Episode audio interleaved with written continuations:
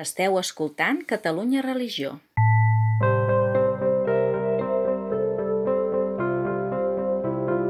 Avui us proposem llegir Les lleialtats de Delfín de Vigan, una novel·la d'edicions 62 publicada el 2019.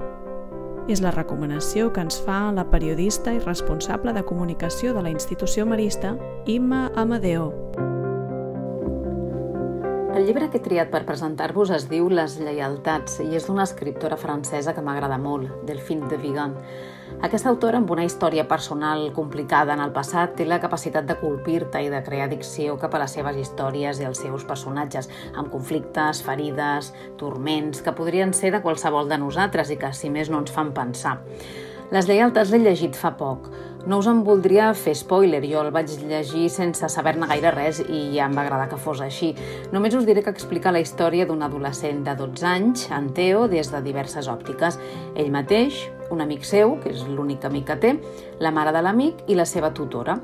Potser perquè estic molt vinculada a l'àmbit de l'educació, treballo als maristes, el punt de vista de la tutora és el que més m'ha inquietat. No? Una professional que té davant seu un nen, un noi, sospita que li passa alguna cosa i en aquest cas ella no sap ben bé com procedir, no sap com comunicar-se amb el noi i ha d'enfrontar-se a les seves pròpies pors i a un entorn que no li acaba de donar suport i realment és molt complicat per ella. Aquest llibre m'ha fet pensar que com a adults i educadors segur que tenim infants a la vora que no estan bé. Aquests dies les notícies en van plenes, ens van oferint un degoteig d'informacions que ens fan adonar de les conseqüències de la pandèmia en la salut dels més joves. Hi pot haver conseqüències fins i tot molt, molt extremes, fins a arribar als intents de suïcidi. I darrere d'aquestes dades sempre hi ha un noi, una noia que està patint i que necessita ajuda. Com a educadors i educadores, doncs, és important que tinguem eines que ens ajudin a ajudar, que ens ajudin a saber llegir símptomes, a detectar que alguna cosa no va bé, a crear els espais de confiança perquè els nois i noies siguin capaços de parlar i d'explicar què els passa. Perquè de vegades, si el problema és a casa, al final on parlaran serà a l'escola i s'obriran a una persona i aquesta persona ha de saber com reaccionar. I això no és fàcil. Des dels maristes van publicar un llibre ja fa un parell d'anys titulat Trencar el silenci, 10 rostres, 10 veus, sobre la feina que es fa a la nostra institució en la prevenció i la protecció dels infants i joves davant de l'abús sexual. 10 mirades de persones amb responsabilitats diferents. I en el que tots coincideixen és que cal formació per saber abordar aquestes situacions.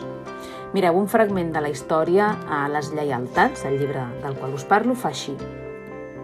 Jo volia portar el cas del Teo a la pròxima reunió del grup de vigilància. En Frederic m'ha convençut que no ho faci, que esperi una mica. Segons ell, no tinc prou elements. A més, l'esment d'un cas sempre deixa rastre i això podria perjudicar en Teo o la seva família. No ens ho podíem prendre a la lleugera. Que potser semblava que jo m'ho prengués a la lleugera.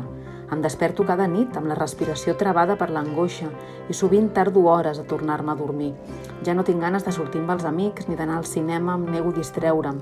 De totes maneres, tampoc no hi ha cas. No tinc cap prova per incloure en l'expedient i hauria de contradir l'opinió de la infermera, que no ha considerat necessari fer venir els pares.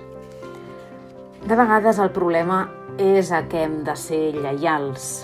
Segur que ho hem de ser cap als qui ens envolten i reconèixer les mancances que tenim per procurar-los una existència el millor possible. Catalunya Religió